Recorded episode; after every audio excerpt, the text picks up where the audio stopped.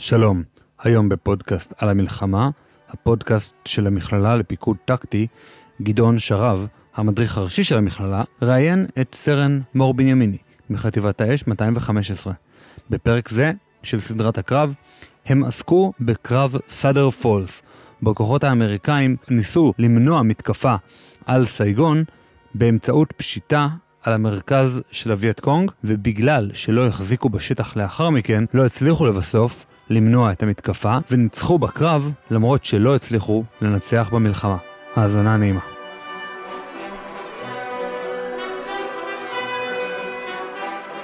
שלום למאזינים, נמצא איתנו היום סרן מור בנימיני מחטיבת האש 215. שלום מור. היי גדעון, מה שלומך? מעולה, תודה. והיום אנחנו הולכים לדבר על מבצע עיצוב שהתרחש בזמן מלחמת וייטנאם בשנת 1967. מבצע שקראו לו סדר פולס, והיה, והוא היה מבצע עיצוב. אני מזכיר למאזינים שמבצע עיצוב הוא מבצע שנערך על פי רוב כנגד כוחות טרור וגרילה, ותפקידו השכנת סדר וקידום אורח חיים תקין, ופעמים רבות הוא גם נערך באזור שבו חיה האוכלוסייה האזרחית, ומן הסתם נדבר על זה גם בהמשך. אוקיי, אז אנחנו נצלול לתקופה. תקופת המבצע, כפי שאמרת, קורית בשנת 1967. ויליאם וסטמורלנד, מפקד ה MACV, יחד עם מפקד הקורפוס השני, יונתן סימן, מתכננים מבצע רחב היקף באזור מלחמה ג' בווייטנאם, אחרי חג הטט, שהמבצע זכה לשם Junction City. אני רוצה להגיד רגע משהו על ה MACV. ה MACV זאת המפקדה האמריקאית העליונה, בעצם Military Assistance Command in Vietnam, שהוא הפיקוד האמריקאי שמנהל את כל הלחימה של כוחות הקרקע בווייטנאם, והמפקד שלו הוא גנרל ארבעה כוכבים בשם וויליאם ווסטמורלנד, כתב גם ספר שתורגם לעברית שנקרא חייל מדווח, וווסטמורלנד היה אה, בוגר ווסט פוינט, צנחן, איש שתלו בו תקוות גדולות מאוד כשהוא הגיע לווייטנאם, תקוות שאחר כך די הכזיב.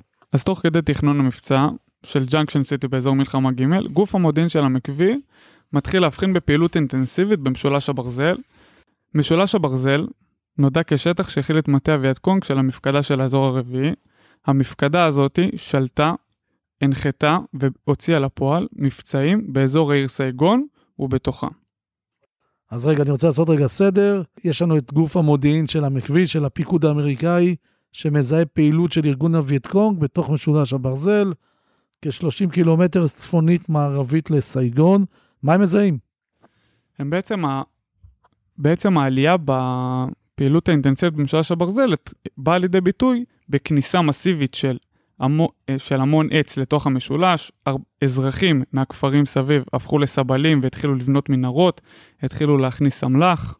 ואת כל זה המודיעין האמריקאי מזהה. ואת כל זה המודיעין האמריקאי מזהה, ומשולש הב... וזה מטריד מאוד את האמריקאים, מכיוון שמשולש הברזל שולט על צמתי מפתח ונתיבי גישה לעיר סייגון. כאמור, העיר סייגון זה העיר שמפקדת השליטה האמריקאית נמצאת שם, וכל פעולה בתוך העיר סייגון ערערה את הציבור האמריקאי והפחיתה את הלגיטימציה של האמריקאים לפעול בווייטנאם. זאת אומרת שלאמריקאים יש דילמה, אם אני מבין נכון, האם לתקוף את הווייטקונג, את הפעילות הזו, בתוך משולש הברזל, או לחכות ש... שהיא תתקרב לעיר סייגון?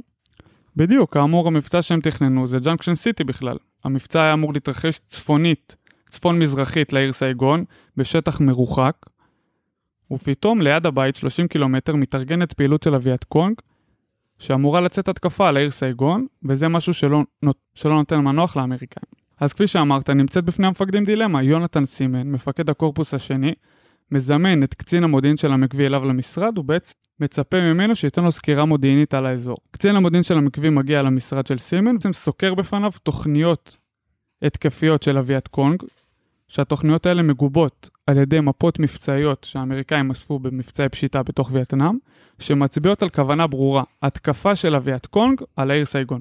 ומאותו רגע אין להם ברירה אלא ללכת למבצע ייצוב שיסכל את זה. בדיוק, לכן סימן מחליט, יחד עם ווסטמורלנד, מפקד ה MACV, לעשות הסט ממבצע Junction City למבצע Cedar Falls, שאמור להתרחש ב-8 בינואר, מבצע רב-אוגדתי. בעצם אור, אם אני מבין, לאמריקאים יש שתי אפשרויות, או לחכות שפעילי הגרילה האלה של הווייט קונג יגיעו אליהם לסייגון, שהיא מרכז השליטה בדרום וייטנאם בכלל, עיר הבירה של דרום וייטנאם, או לחילופין, ללכת להכות אותם במקום שהם נמצאים בו ומתרכזים בו, וזה אזור משולש הברזל.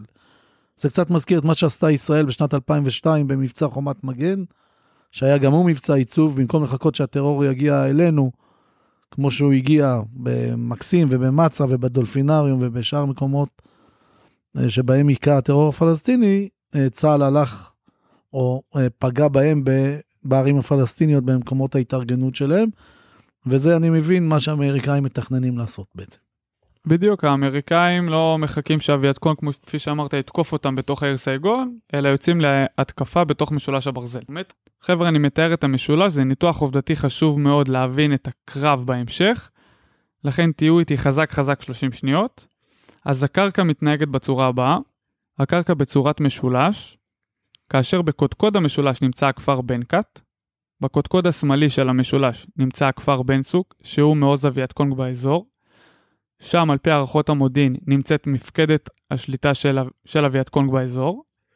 בין שני הכפרים האלו נמצא היער תנא דיאן. בבסיס המשולש נמצא נהר הסייגון, ובצלע הימנית של המשולש נמצא נהר תאינין, ופה נגמר השמות המסובכים. אם הבנתם את זה, הבנתם את השטח. אני רוצה רגע להגיד משהו על השטח, מאחר והיינו בו בסיור ביחד. זה שטח שחלקו הוא מיוער אה, בצורה די סבוכה, בעצם סוג של אה, ג'ונגל. יש שם, אה, כמו שתיארת היטב, את נהר סייגון, הוא נהר רחב. זה לא הירקון ולא הירדן. נהר מאוד רחב. הוא נהר רחב שוצף וזורם. והאופי הזה של השטח, בעיקר הזה שהוא שטח סבוך, הוא מגביל מאוד את יכולת הראייה, את יכולת ההתקדמות בו, והוא בעצם מקנה יתרון די גדול למי שמגן על השטח הזה. אה, הוא גם מקשה על ההתמצאות, צריך להגיד, אנחנו מדברים על עידן בלי GPS, בלי Waze, קשה להתמצא בו, זאת אומרת, כשאתה הולך בתוך הג'ונגל הזה, קשה לדעת איפה אתה נמצא. נכון, גדעון, אז כפי שאמרת, באמת קשה לתוקף, אמנם להתמצא בתוכו, אבל מכיוון שיש שם שני נערות גדולים, זה גם מקל על הכוח התוקף לקטר אותו. נכון, קל יחסית לסגור את השטח הזה, את המשולש הזה, ומהרגע שסגרת אותו, הפעילים של הווייטקונג, או הלוחמים של הווייטקונג, בעצם בתוך, נמצאים בתוך המשולש הזה. נכון מאוד. אז אנחנו עכשיו נעבור שנייה לאויב ונדבר עליו רגע. אז האויב מולו מתמודדים האמריקאים הוא ארגון הווייטקונג. הווייטקונג כאמור נוקט בשיטות הגרילה על פי העקרונות של מאו. נגיד משהו על העקרונות של מאו. אה, מאו, אה, שהיה יושב ראש המפלגה הקומוניסטית הסינית, הוא בעצם במובן מסוים האב רוחני, אני אגיד במרכאות, המייסד של כל לוחמי הגרילה באשר הם. אני מתכוון לכך שהוא אה, אה, פרסם אה, חוברת על לוחמת הגרילה, ובחוברת הזו הוא הגדיר כמה דברים אה, מאוד חשובים ללוחמי הגרילה באשר הם. למשל, הקשר החשוב, הייתי אומר אפילו הסימביוטי, בין האוכלוסייה האזרחית לבין לוחמי הגרילה. אחד הדברים שמאו אה, כתב בספר שלו ועשה אנלוגיה זה בין אה, הגרילה לבין אגם מים גדול. בתוך האגם הזה, המים הם האוכלוסייה האזרחית, אבל הם תנאי מאפשר לקיומם של הדגים שהם פעילי הגרילה. רוצה לומר, דג לא יכול לחיות מחוץ למים, ולכן גם הגרילה לא יכולה להתקיים או לחיות ללא התמיכה של האוכלוסייה האזרחית. האוכלוסייה האזרחית מספקת לפעילי הגרילה מסתור, אה, מקום מקלט, מזון, מים, לפעמים תחמושת, דרכי מילוט, תמיכה, אה, תודעה ועוד אה, המון דברים אחרים. ומאז ומעולם האתגר של הצבאות שנלחמים נגד גרילה זה לנסות לעשות את ההבחנה או לנתק את הקשר שבין לוחמי הגרילה לבין האוכלוסייה האזרחית, אם תרצה במשל של מאו, לשאוב את המים לדגים. כפי שאמרת, אוכלוסייה אזרחית זה עניין מאוד חשוב. עבור הגרילה, והפיקוד האמריקאי מבין את זה. הוא מבין את זה ומצליח להשיג ידיעות מודיעיניות לגבי האוכלוסייה האזרחית בתוך הכפר בן סוק, ופה מתגלה נתון שהוא ממש מדהים ומעניין. הכוח, האזרחים בתוך הכפר בעצם חולקו לארבע כוחות. זאת אומרת, הגרילה ממש, כמו שאמרת, גייסו את האזרחים בתוך הכפר לטובתם, וארבע הכוחות האלה התחלקו בצורה הבאה, שני הכוחות הראשונים, כוח א', דאג להעביר לוגיסטיקה ומזון על גבי נהר הסייגון עבור לוחמי הגרילה בתוך המשולש. זה ממש אזרחים שעובדים עבור הגרילה. ממש אזרחים שעובדים עבור הגרילה, הכוח השני פרק את אותה סחורה, ויש עוד שני כוחות שאחראים בתוך הכפר על תמיכה לוגיסטית בתוך ה... עבור הווייטקונג. זאת אומרת, הווייטקונג, אם אני מבין נכון, לא יכול להתקיים בכפר בן סוק ללא תמיכת האוכלוסייה האזרחית. לא יכולים, ולכן החליטו שיריית הפתיחה של המבצע תהיה בתוך הכפר בן סוק. לאחר כיבוש הכפר, בעצם יפנו את כל האזרחים וישמידו את המפקדה בתוך הכפר. יוציאו את המים לדגים. בדיוק ככה, וזה ממש עבד בצורה טובה. אז מבצע סידר פולס בעצם תוכנן לשמיני בינואר 1967 ונמשך עד ה-26. מטרת המבצע הייתה שלילת יכולת הווייטקונג במשולש, בדמות של מתקני מקלט, מחסני אמל"ח, מנהרות וכולי, והשמדת לוחמי הווייטקונג, וחשוב מכך, השמדה של מפקדת הווייטקונג באזור, שהוציאה לפועל מבצעים באזור העיר סייגון ובתוכו. השיטת ההתקפה הייתה בשיטת פטיש וסדן. אני רוצה להגיד רגע משהו על שיטת uh, פטיש וסדן. שיטת פטיש וסדן זה שיטה שבה שני כוחות מתואמים תוקפים תא שטח מסוים, כוח אחד עומד או ניצב, מתייצב בבסיס, במרכאות, הוא הסדן, בבסיס האזור, כשהכוח השני שנמצא מהצד השני של אותו אזור תוקף והולם ובעצם מנסה לדחוק את כוחות האויב לכיוון הסדן. הכוח שתוקף לכיוון הסדן הוא כמובן מכונה הפטיש. בפועל זה נראה כמו שני כוחות שניצבים אחד מול השני, אחד לא מתקדם והשני מתקדם ודוחק את לוחמי הגרילה אל מול הקנים של הצד השני. אז במבצע משתתפים שתי דיוויזיות, הדיוויזיה הראשונה, The Big Red One, הגדולה והמפוארת, בפיקודו של ויליאם דיפוי, כאשר משימת הדיוויזיה היא לעבוד את הפטיש בתוך המשולש. היא, היא בעצם נלחמת בפועל. היא נלחמת בפועל בדיוק, ויש את הדיוויזיה ה-25, שהיא מהווה את הסדן, שהיא נמצאת על בסיס נהר הסייגון, כלומר בבסיס המשולש. והיא לא מאפשרת ללוחמים של הוויטקונג להימלט. בדיוק, היא לא מאפשרת ללוח, ללוחמים להימלט. עוד מעט אנחנו נדבר על גם הוראה של הפיקוד הוויטקונג שהיא הוציאה. איך היא לא נותנת להם להימלט? היא בעצם מציבה חסמים בתוך הנהר. הבנתי. אני רוצה רגע לשאול, אם אתה לא מצליח להגיע אל הכפר בהפתעה, אז למה שלוחמי הגרילה יחכו, יחכו לך שם? אם הם לא רוצים להילחם, וזה אחד העקרונות של מאו, הם פשוט יימלטו משם מבעוד מועד. בדיוק, לכן סימן, הגנרל סימן מתכנן המבצע, שם דגש על סודיות ומידור המבצע, מחשש שהמבצע ידלוף לידי הווייטקונג. זה משהו ששמו עליו את הדגש בצורה מאוד מאוד גדולה במהלך המבצע. אה, ניתן לזה דוגמה, חטיבה 3 שתקפה בתוך היער, אנחנו נדבר על זה עוד רגע, קיבלה פקודת מבצע שלושה ימים לפני המבצע. זאת אומרת, לא היה לה, לא היה לה זמן להתכונן למבצע, זה היה ממש נוהל קרב קצר, אה, נוהל קרב חפוז בהגעה המקצועית. וזה היה ככה עבור כל הכוחות. כחלק מהמידור. כחלק מהמידור, וזה מה שאפשר להם לייצר הפצעה. זה אגב מזכיר לי אירוע בפעולת קראמה של צה"ל. אה, צה"ל פושט, כוחות צה"ל פושטים על העיירה קראמה, שזה בירדן, מקום שבו התרכז אש"ף, ואחד מלוחמי הגרילה, עזי הנפש שנמלטו מהכפר שראו את כוחות צה"ל מתקרבים, זה לוחם בשם יאסר ערפאת, שפשוט לוקח אופניים ובורח מקראמה. אז המבצע חולק לשני שלבים עיקריים. בשלב א' של המבצע מתקיימים שני מבצעי הונאה וכיבוש הכפר בן סוק. השלב השני זה הלימה של הפטיש בתוך המשולש וניפוץ האויב על הסדן. יפה. כאשר לכל העניין הזה אה, חשוב להדגיש שלחשאיות עד לתחילת ההתקפה יש חשיבות גדולה מאוד, כי גרילה תעדיף תמיד שלא להתייצב מול הצבא הסדיר שתוקף אותה, אלא אם היא תוכל, או לוחמי הגרילה, אם הם יוכלו להימלט, אם יימלטו, כי גרילה לא רוצה להילחם ראש בראש מול כוחות צבא עדיפים באש וביכולות אחרות. כמובן, הרי לוחמי הגרילה יצאו, ל... יצאו להילחם כאשר הם עדיפים במקום, באמל"ח ובסדה כנגד האויב.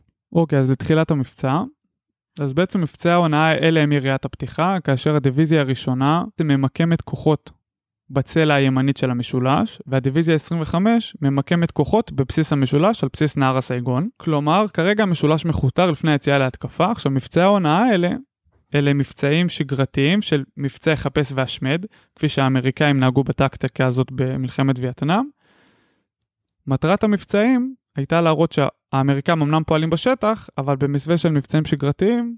ולא ו... מבצע רחב היקף. ולא מבצע רחב היקף שמצביע על כוונה ברורה של האמריקאים לתקוף בעוצמה בתוך המשולש. כל זה קורה עד השמיני לינואר, כאשר בשמיני לינואר המבצע יוצא לפועל. חטיבה 2 יוצאת עם 60 מסוקים לכיבוש הכפר בן צוק. כחלק מהעונה הם אפילו ירדו לפרט בנתון הזה, כאשר המסוקים לא טסו בצורה ישרה אל תוך הכפר, אלא טסו צפונה וחזרו דרומה בכדי להפתיע את, ה... את לוחמי הווייטקונג בתוך הכפר. וכל ה-60 מסוקים האלה נוחתים בבת אחת בכפר עצמו? 60 מסוקים נוחתים בעת ובעונה אחת בתוך הכפר, ובתוך פחות מחמש דקות נוחתים בתוך הכפר 420 לוחמים, ובעצם יוצרים הפתעה מצבית אצל לוחמי הווייטקונג והאזרחים בכלל בתוך הכפר. זאת אגב יכולת מדהימה, עצם זה שהצליחו להגיע עם 60 מסוקים בלי שהם התנגשו אחד בשני. ותוך חמש דקות 420 לוחמים, גדוד מוגבר, נמצא על הקרקע ופועל בתוך הכפר, זה מרשים ביותר. נתון מדהים לגמרי, שפועל בתוך מערכת שלמה, ובדיוק איך שהם נוחתים, ממש באותו הזמן, בתזמון מושלם, נוחתת אש ארטילרית מטורפת צפונית לכפר, בכדי שלוחמי הווייטקונג לא יסגו. והמצב המבצעי באותו רגע, שמצפון נוחתת אש ארטילרית, מדרום נמצאת הדיוויזיה 25 עם כוחות חסימה, ובתוך הכפר אין להם בעצם לאן לברוח. ובאותו שלב הכפר נכבש ממש במהירות. מה מוצאים בתוכו? אז אחרי כיבוש הכפר, לפני שאני אגיד לך מה מצאו בתוך הכפר, באותו רגע שנוצרת הפתעה מצבית בתוך הכפר, פיקוד אביאטקונג מורה לכל הלוחמים בשטח בעצם להיעלם, לרדת מתחת לקרקע ולהימנע ממגע עם האמריקאים.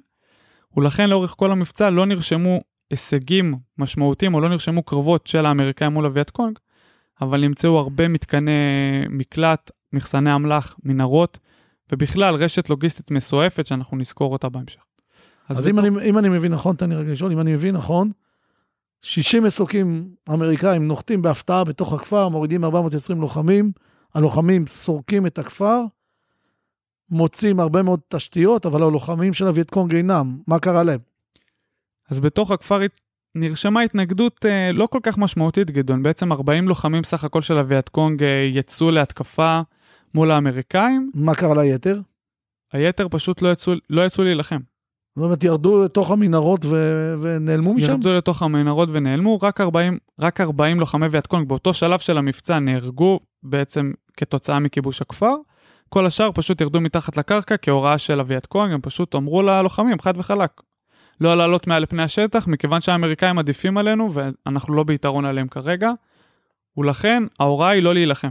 אחרי כיבוש הכפר בן סוג, בעצם הלוחמים מתחילים לבצע סריקות בתוך הכפר, לאיתור המפקדה בעצם, ומתחת לאחד הבתים מתגלה שלושה מפלסים של מינור תת-קרקעי, שבעצם בתוך המינור מוצאים מפות מודיעיניות, מזון, אמל"ח, אמצעי לוגיסטיקה, ממש רשת מינור מאוד גדולה של הווייטקונג בתוך השטח. והאמריקאים עולים על זה מאוד מאוד מאוד, והאמריקאים עולים על זה מאוד מהר. ולאחר לאחר שהאמריקאים עולים על זה, בעצם מתחיל פינוי אוכלוסייה אדיר מתוך הכפר, מפנים את כל האוכלוסייה, בעצם שוללים את היכולת של אביעד לפעול באזור. מוציאים את כל האוכלוסייה. מוציאים ממש את כל האוכלוסייה במבצע אדיר על בסיס נהר הסייגון למחנות יישוב מחדש. יחידות הנדסה של האמריקאים נכנסים לתוך הכפר ומשמידים אותו. ובעצם בשלב הזה מושגת המטרה העיקרית של המבצע, וזה בעצם שלילת יכולת אביעד לפעול באזור העיר סייגון ובתוכה באמצעות המפקדה הזאת. זאת אומרת, משמידים את המפקדה, מוצאים את האוכלוסייה האזרחית, מוחקים את הכפר, אני משתמש במילה קשה, מוחקים את הכפר מעל פני האדמה, ולהביא את קונג, אין שם אה, יכולת אה, לחזור או לפעול. בדיוק, זה ממש השפיע על התארגנות ההגנה שלהם בהמשך המבצע. מלכתחילה הגנת האויב הייתה חלשה ולא מאורגנת בתוך המשולש, אך ההפתעה של ההתקפה ניפצה לחלוטין את ההגנה שלהם. בעצם ההפתעה המצבית שנוצרה אצל אביעד קונג גרמה להם פשוט להיעלם ולברוח. אבל אנחנו נראה שגם הנסיגה הזאת לא הייתה פעולה ממש פשוטה, כי האמריקאים פשוט היו בכל מקום בשטח. אז האמריקאים פשטו על בן סוק, הוציאו את האוכלוסייה האזרחית, השמידו את התשתיות של הכפר, נגמר השלב הראשון של המבצע, ואז הולכים בגדול לעשות את אותו דבר בכל השטח של המשולש. נכון, בעצם להנחית את חטיבה 3, שאנחנו ניגע בה עוד רגע, חילוק המשולש לשניים, ובעצם דחיקה של כל אוהב אל הסדן.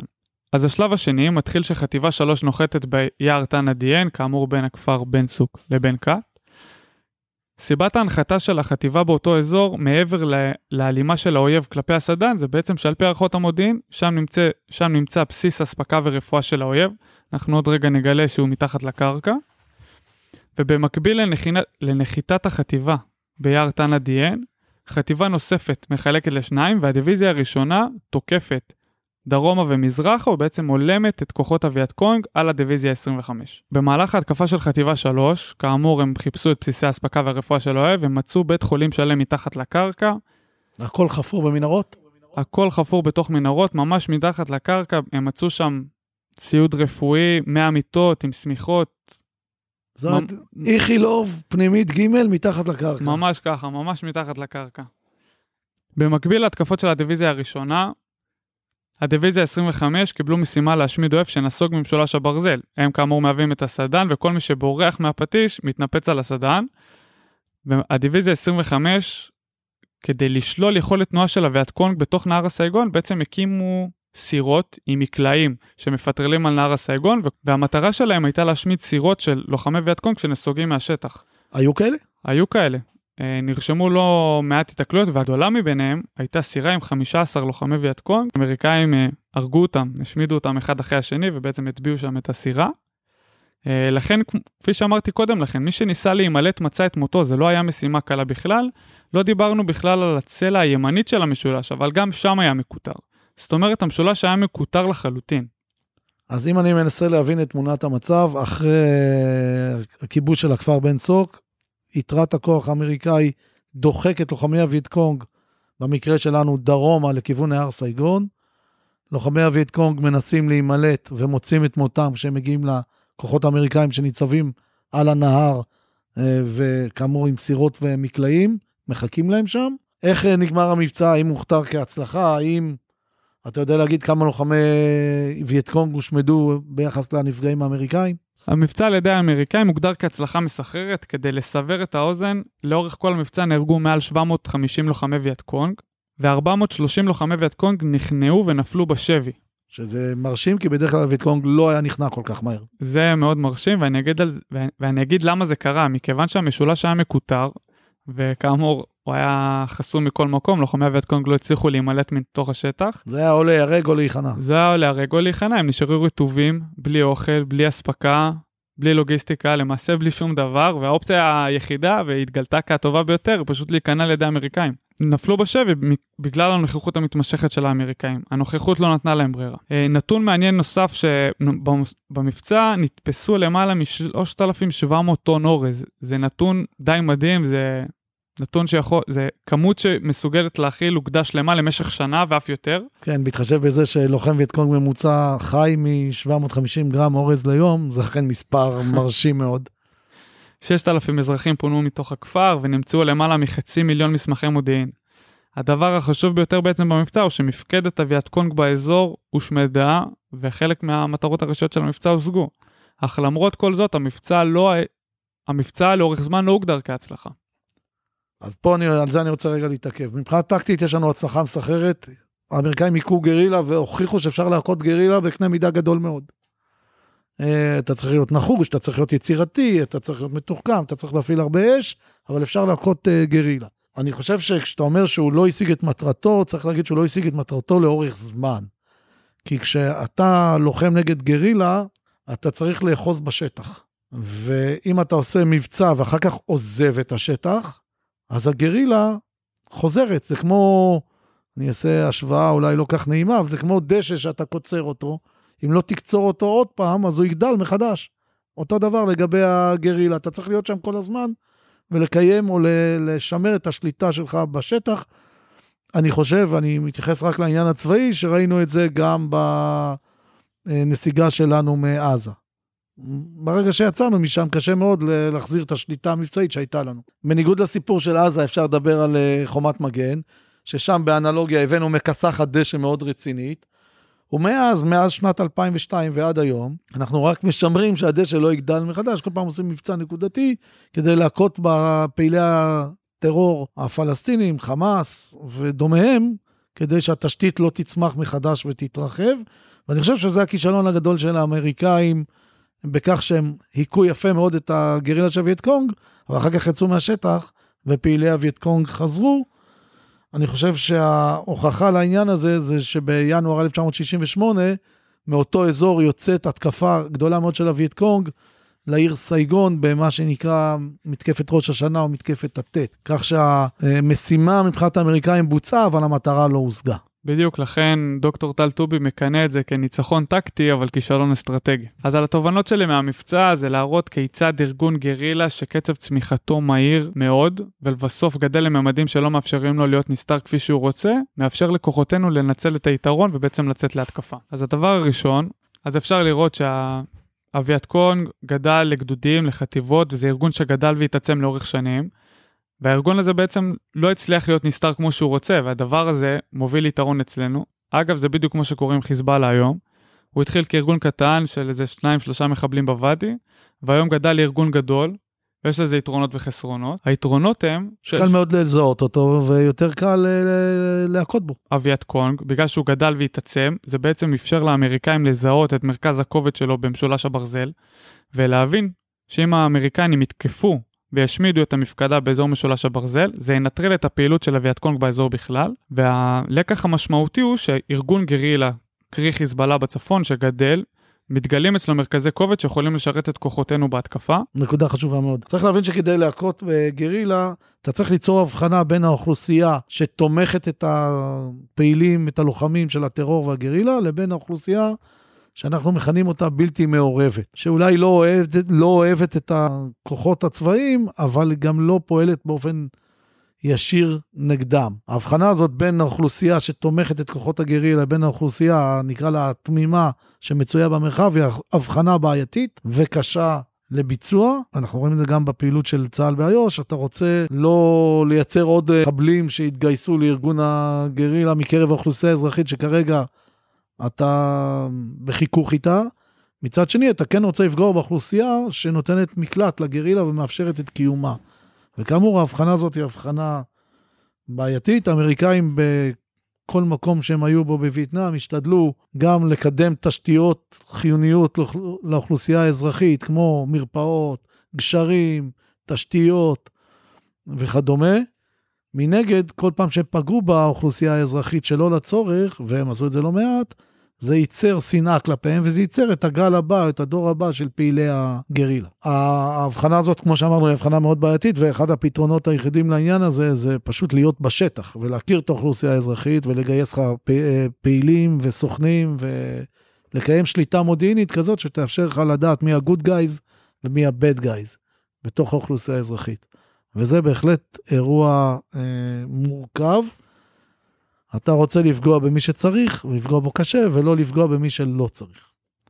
האמריקאים אגב התחשבו באוכלוסייה האזרחית במבצע סדר פולס שתיארת, ועיתוי תחילת ההתקפה נקבע בהתאם ללוח השנה הווייטנאמי, אחרי חג ראש השנה, כדי לא לפגוע בשגרת החג של האוכלוסייה האזרחית, אה, שלא רצו לפגוע בה. אני אמשיך אותך ואומר שגיוס סוכנים ופעילות מודיעינית בסביבת הגרילה זה משהו מאוד חשוב כלחימה במלחמה אסימטרית. למודיעין במלחמה אסימטרית יש חשיבות עליונה. מכיוון שהאויב לא, לא לבוש כמו כמונו ולא מתנהג כמונו אלא פועל במסווה אזרחי, ברגע שאני אצליח לשים את היד על מתקני המקלט, על מחסני אמל"ח, על המנהרות, ואצליח להביא מודיעין מדויק ככל האפשר, אני אדע לכוון את ההתקפה שלי בסביבה אזרחית ולהכות באויב בצורה מדויקת יותר. אז אה. במהלך המבצע האמריקאים קיבלו מודיעין מקדים, רציף ומתמשך, בצורה מעמיקה ויסודית מאוד, וזה מה שהוביל את פעולת הכוחות והשפיע על הקרב בצורה דרמטית. רק כדי לסבר את האוזן, תחילת המבצע האמריקאים קיבלו לידיהם רשימת נ"צ עם כל מתקני המקלט, והדיוק עמד על 90-92 אחוז. שזה זאת, מרשים ממש. שזה מאוד מרשים, כלומר, כמעט כל הנ"צדיקים פגעו, פגעו בדיוק במתקנים שאותם הם אמורים היו לפגוש, אפשר לראות את זה במפק... במפקדת אביעד קונג בבן סוק, ראינו את זה בבית חולים, חולים מתחת לקרקע של חטיבה 3, וראינו את זה בכל המשולש בכלל. אני רוצה לזקק ככה את התובנות uh, לסיכום. אחד, ראינו שאפשר לנצח גרילה. אפשר להכות בגרילה בצורה קשה. אה, ובמחירים לא פשוטים, אבל אה, אפשר חד משמעית לפגוע בגרילה במרכזים שלה, כמו מפקדת הוויטקונג באזור. הדבר השני שאני רוצה להדגיש, שיש חשיבות גדולה מאוד למודיעין, להפתעה, לתחבולה, ליצירתיות, לקיטור השטח, להפתעת הגרילה, כי אחרת הגרילה פשוט לא תהיה שם. והדבר השלישי והאחרון, לאחיזה בשטח. זה לא מסוג הדברים שאתה, של זבנג וגמרנו. כשאתה נלחם נגד גרילה, אתה צריך סבלנות לפחות כמו של פעילי הגרילה. אתה צריך לאחוז בשטח, להיות בו אה, פיזית ומודיעינית, ולא לאפשר לגרילה, שאותה הכית במבצע גדול, לצמוח מחדש. תודה, מור. תודה רבה, גדעון. תודה שהאזנתם לפרק, מוזמנים לשתף אותו, נתראה בפרק הבא של פודקאסט המלת"ק.